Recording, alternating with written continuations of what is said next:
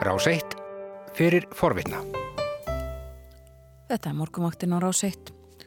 Klukkan 6 mínútur gengin í nýju, þennan 5. dags morgunin. Það er komin 15. oktober. Næstu mínúturnar ætlum við að setjast við heimsklukkan og eh, til þess er með okkur eh, Bói Ágússon, venju samkvæmt. Góðan dag. Góðan daginn. Um, við tökum það fram að sótvarna ráðstafanir hér í efstaleitinu hafa sitt að segja og þú ert ekki hérna með okkur í stúdíónu eins og heyrist. Við ætlum að reyna að koma við ætlum að reyna að koma viða við í dag og um, byrjum á stjórnmálunum í, Svíþjóð. Þar er já, erfið staða.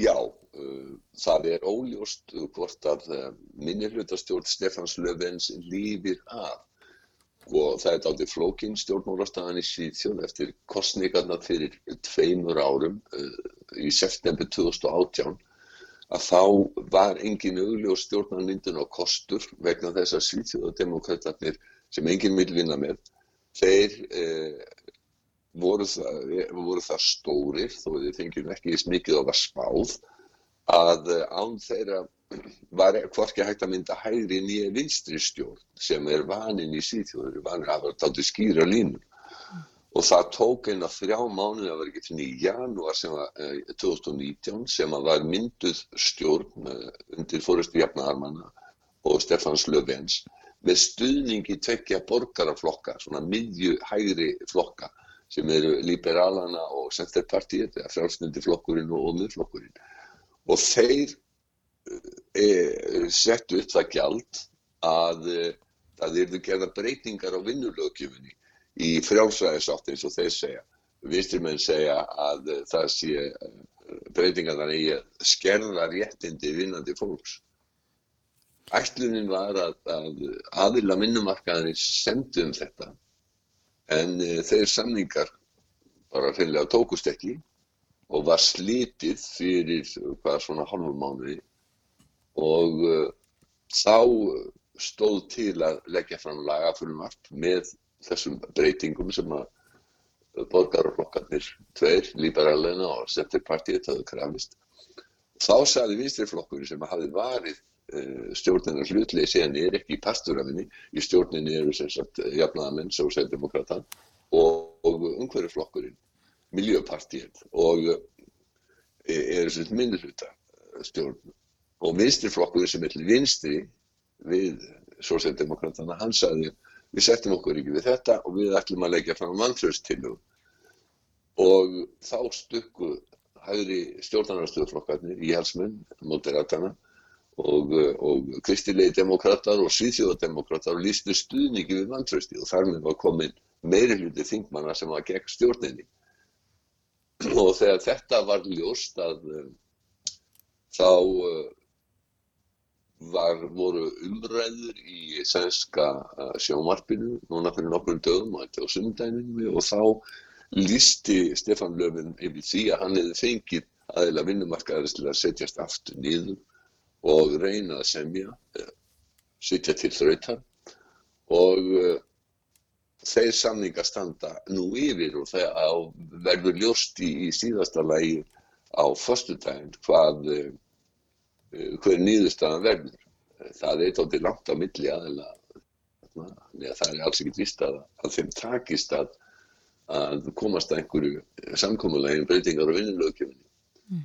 Löfven var spurður af þessu í gæðir á uh, fundi með frettamönnum og þar lísti hann yfir ánægi með að aðeila vinnumarkaðins uh, hefðu tekið upp viðræðan ný og var svo spurður en þú hlýtur að vera ánæðið með það að vantraustir hefur frestast og þá svaraði Levin ég skil svo sem áhuga á því að við skulum sjá hvað út úr, kemur út úr þessum viðræðan. Hann vildi ekkert vera að tala um þetta vantraust svo hann var í nokkur sem við skulum, heyra þetta brot af uh, blamannafundur Levins. Alla har sagt att det är bäst om parterna avgör det här och nu har man tagit upp samtalen. Det här innebär att du själv undviker ett hot om misstroende ett tag till. Återigen, det, alla de här spekulationerna, jag kan i och för sig förstå det intresset, jag kan ha viss respekt för det, men nu har parterna återupptagit de här samtalen och då, då ser vi vart det går tar. Já, hann er sérstaklega búin að kaupa sér uh, þennan stuttafrest uh, en hann er ekki langur. Þetta kemur þetta þá allt í ljós á förstu daginn og ef ekkert gengur verður þá lögð fram vantröstilega strax þá? Það er það sem að viðstyrflokkurinn og Jónas Sjöstedt, leiðtögi hans, hafa bóðað að takist ekki samkómulag, þá verður lagt, samband fyrst.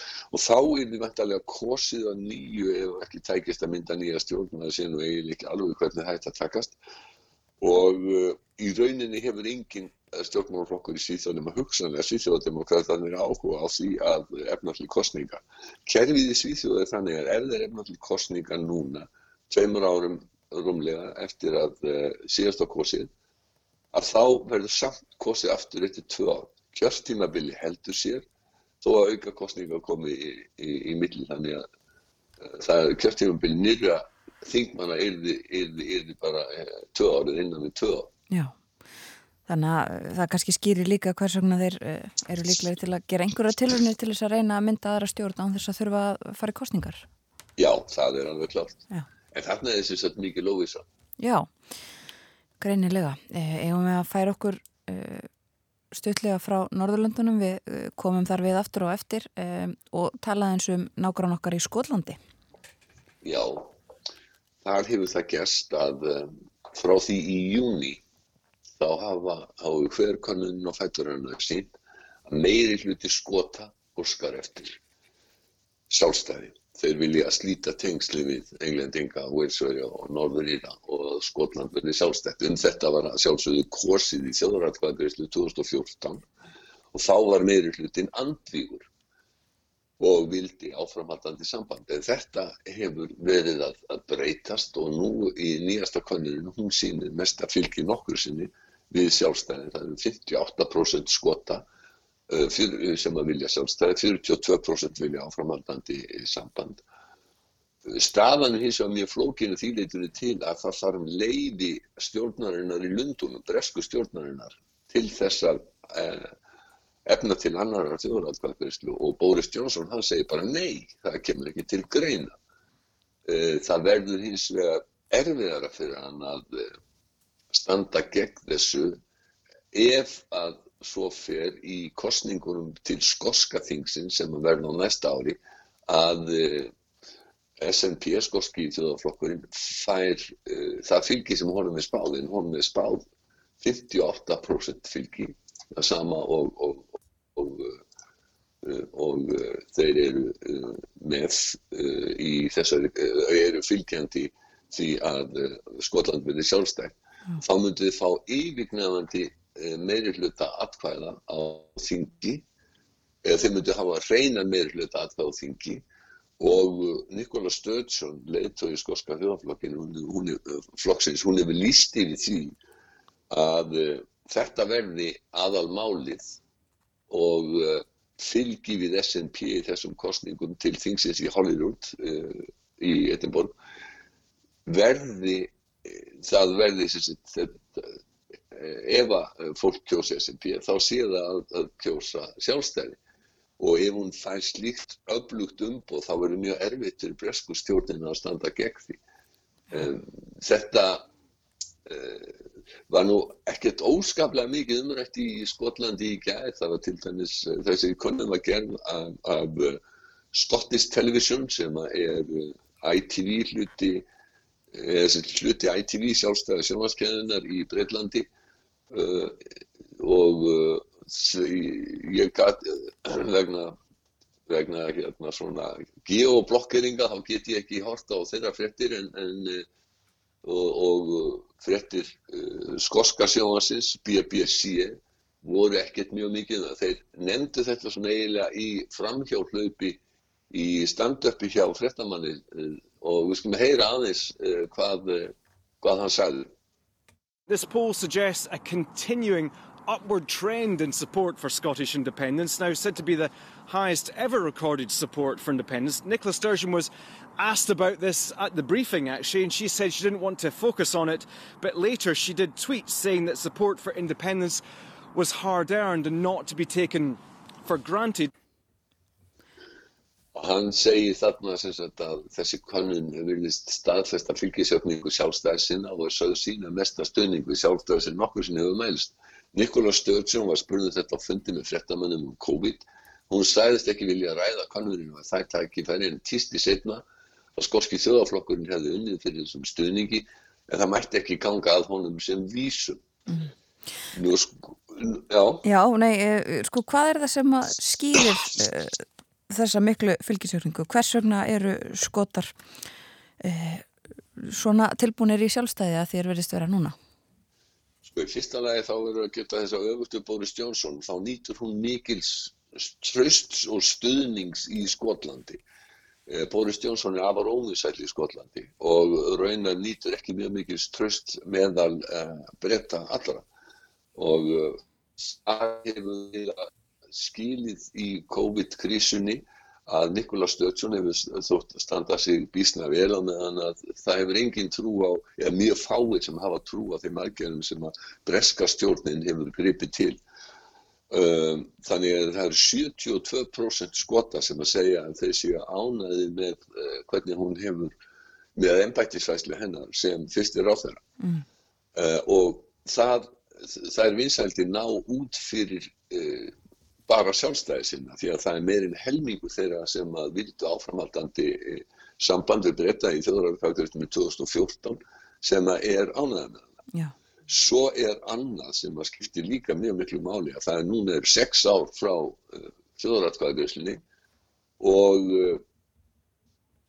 ungt fólk hefur alltaf stutt sjálfstæði miklu meira heldur en eldra fólkið þeir eru svo kynslo sem var hvað mest á móti sjálfstæði, hún bara einfallega er að hverfa og uh, það er sko komið, það eru komnar þarna, komið sex árgangar inn sem ekki fengu að kjósa síðast út af, uh, vegna þess að þau hafðu ekki kostningarétt út af aldri það meðal þess fólks að þá er stuðningur við sjálfstæði 79%.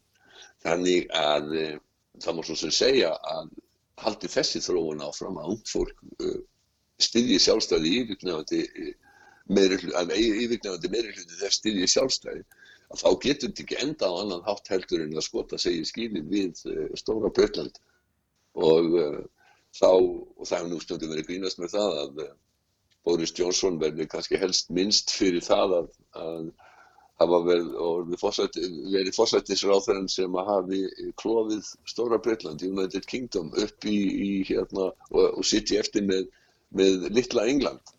Já. Þannig að hann, hann geti mist bæði Skotland og Norður Írland. Akkurat. En, en, en það er náttúrulega, það er náttúrulega eitthvað sem er í framtíðinu og við getum ekkert spáðum. Neini, það kemur í ljós. En þetta er mjög áhugavert. Já, uh, sannarlega og fylgjustu þetta áfram með þessum vendingum sögðum frá því fyrir morgun að það verður fundað um brexit mál þau tengjastu þetta þessum sjálfstæðismálum líka. Skotar vildu halda áfram að vera í Európusambandinu Það er hluti af því af hverju þeir vilja sjálfstæði. Já, já og það var sérst við sögðum frá því morgun að funda verður í Európusambandinu um þessi mál í dag og á morgun. En ef að fara til Danmerkur? Þar er ekki Já deilur milliflokka í brennendepli, það er á flestum fórsýðum í, Danmarku þennan morgunin eru deilur innan flokks, innan radikali venstri. Já, sem að eru hvorki róttæki nýju vinstri sinna, þetta er miðjumflokkur eh, og þar misti Morten Östegård leðtvæðin bætti sitt þegar að það kom upp að, að hann hefði verið að sína konu uh, kynferðislega áreitni og uh, framferði hans hefði verið eitthvað sem að fólk vildi ekki setja sig við og uh, Sofí Karsten Nílsen tók við á hann en hún er langt í frá óumdild og einn af svona þungavektar þingmönnum flokksins sem er að vísa í veikindafríin í dagen hún listi í Facebook fæslu í gær að hún hafi látið Sofí Karsten Nílsen vita af framferði Mortens Östegårds á fundi fólksins 2017 þá hafi hann káað á ungri konu gegn viljanar og reynd að fá hana til þess að senga hjá sér og framferðið hans hefði farið út yfir öll mörg og hún hefði þá byggðið Nílsen um að grípa til aðgerða gegn Östugur. Sko, hún hefur ekki, Íta Ágæn hefur ekki sjálf komið í viðtöl vegna þess að hún er í veikindalegi. Hún lí, lísti þessu á Facebook og, og danska, og frettamöðu danska sjónvarsins las þetta upp í, i gerðkvöld. Við skulum hlusta á þennan teksta Íta Ágæn. Hvordan Morten Østergaard på folkemødet i 2017 havde stået og befamlet en ung kvinde mod hendes vilje, og med stærkt grænseoverskridende adfærd havde forsøgt at få hende til at gå i seng med sig. Dengang bad jeg udtrykkeligt Sofie Karsten Nielsen om at gribe ind over for Morten Østergaard. Og øh, Ágen, hun heldur áfram í þessari øh, Facebook-fæslu sinni og segir að hún sé ekki vafam að Sofie Karsten Nielsen hafi vitað hvernig Morten Östegård hefði hagað sér en kosið að gera ekki neitt. Og þá spyr uh, fréttamaður Damarsratjó uh, hvort að eitthvað sé til í þessum yfirlýsingum vítu ákveðs og Sofie Karsten Nielsen svara því nei, ég vissi ekkert að þessu finnast þessar yfirlýsingar ómaklega. Heyrum þetta. Så jeg er ikke i tvivl om, at Sofie Karsten Nielsen vidste, hvordan Morten Østergaard opførte sig, og valgte at dække over ham, i stedet for at tage det nødvendige opgør. Vil du stå her og sige, at det har overhovedet intet på sig? Det har intet på sig, at jeg skulle have kendt til den øh, sag, som Ida nu beskriver. Og jeg synes, det er uværdigt. Nú, Sofie Karlsson Nílsen, hún hefur alltaf harneitað því að hafa uh, vita nokkuð um það að uh, eitthvað væri aðtöðavert við framfæði Mortens uh, Östegård og svo tengist þetta líka því að það er svona deilur um stefnuna innan radikali venstri. Radikali venstri hefur haft það hlutverk í danski politík að geta daldi ráði því hvort að sé myndið stjórn til hægri eða vinstri og uh, þeir hafa verið þarna á miðjunni og hafa í, þeir hafa staðið utan þessara blokka uh, sem eru svona hefðbundnar í danskri stjórnmálasögu, vinstri reyfingin stendur öll saman, vinstri blokkin og svo hægri blokkin. Danir kalla um rauðablokk og tala um rauðablokk og bláablokk. Mm. En uh, radikali venstri hafa verið svona aðeins utan við þetta lengst af og, og sem sagt ráði því hvort að á, á, á stundum ráði því hvort þið fær til að hægri en vinstri. Og nú eru deilur inn á flokksins og það er alveg klárt að þetta snýst ekki bara um óviðingandi framferði Mortens Östegård heldur líka um, um uh, já, bæði personur og stefnu innan radikali venstri mm. og uh, það verður nú að segjast eins og er að manni sínist staða Sofí Karsten Nilsen sem er eftir mann Mortens Östegårds hún er ekkit allt og sterk eftir að uh, hafa fengið svona yfirlýsingar frá eins og frá Ítu Ágæn og fleirum sko.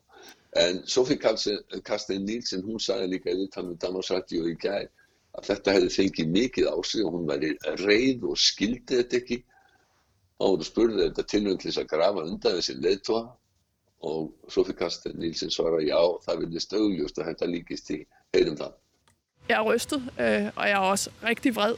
Øh, og jeg forstår simpelthen ikke øh, helt ærligt, hvad det er, det handler om. Ser du det som et forsøg på at undergrave dig som leder? Ja, det er jo helt oplagt, øh, at øh, ja, øh, det ligner det. Já. Þannig að uh, það er tíðind að vænta af radikali venstri á næstunni væntanlega líka. Já. Var svona östust að tala um Ameríku í lokin. Ég veit ekki hvað við hefum lága tíma eftir. Mínútið að svo. Við höfum mínútið að svo, akkurat. Ég ætlaði þá að minnast á það vegna þess að alla kannanir sína nú að, uh, að Joe Biden hafi mikla fórustu og demokrata geti hugsanlega unnið uh, báðar deyndir þingsins og fórsetembættir. Þá ætla ég að nefna grein sem er í New York Times og Thomas Edsall skrifar þar sem að hann segir og bendir á að uh, í nokkrum ríkjum þar sem að fólk er að skrá sig til að skrá sig inn á kjörskrá og lýsið yfir hvort þeir eru republikanir eða demokrater eins og í Florida að frá því í mars að þá hafi tæmlega 200.000 skráð sig á kjörskrá og lýst sig vera republikana en innan við 100.000 sem hafa skráð sig sem demokrata. Sama gildi í Pennsylvania síðan í júni, mm. þá hafi republikana bætt þessi 135.000 manns, demokrata tæmlega 60. Norður Karolínu er tölunar 83.000 á móti 38.000. Þetta segir þessi maður bendi til þess Já. að uh, þetta sé nú ekki allt saman komið, komið og klappa á klátt. Takk fyrir í dag, Bói. Þú varst að hlusta á hlaðvarpsþátt frá Rás 1. Ef þið langar til að heyra meira, farðu þá á rúf.is skástrygg hlaðvarp eða spilaran á rúf.is skástrygg útvarp. Rás 1 fyrir forvitna.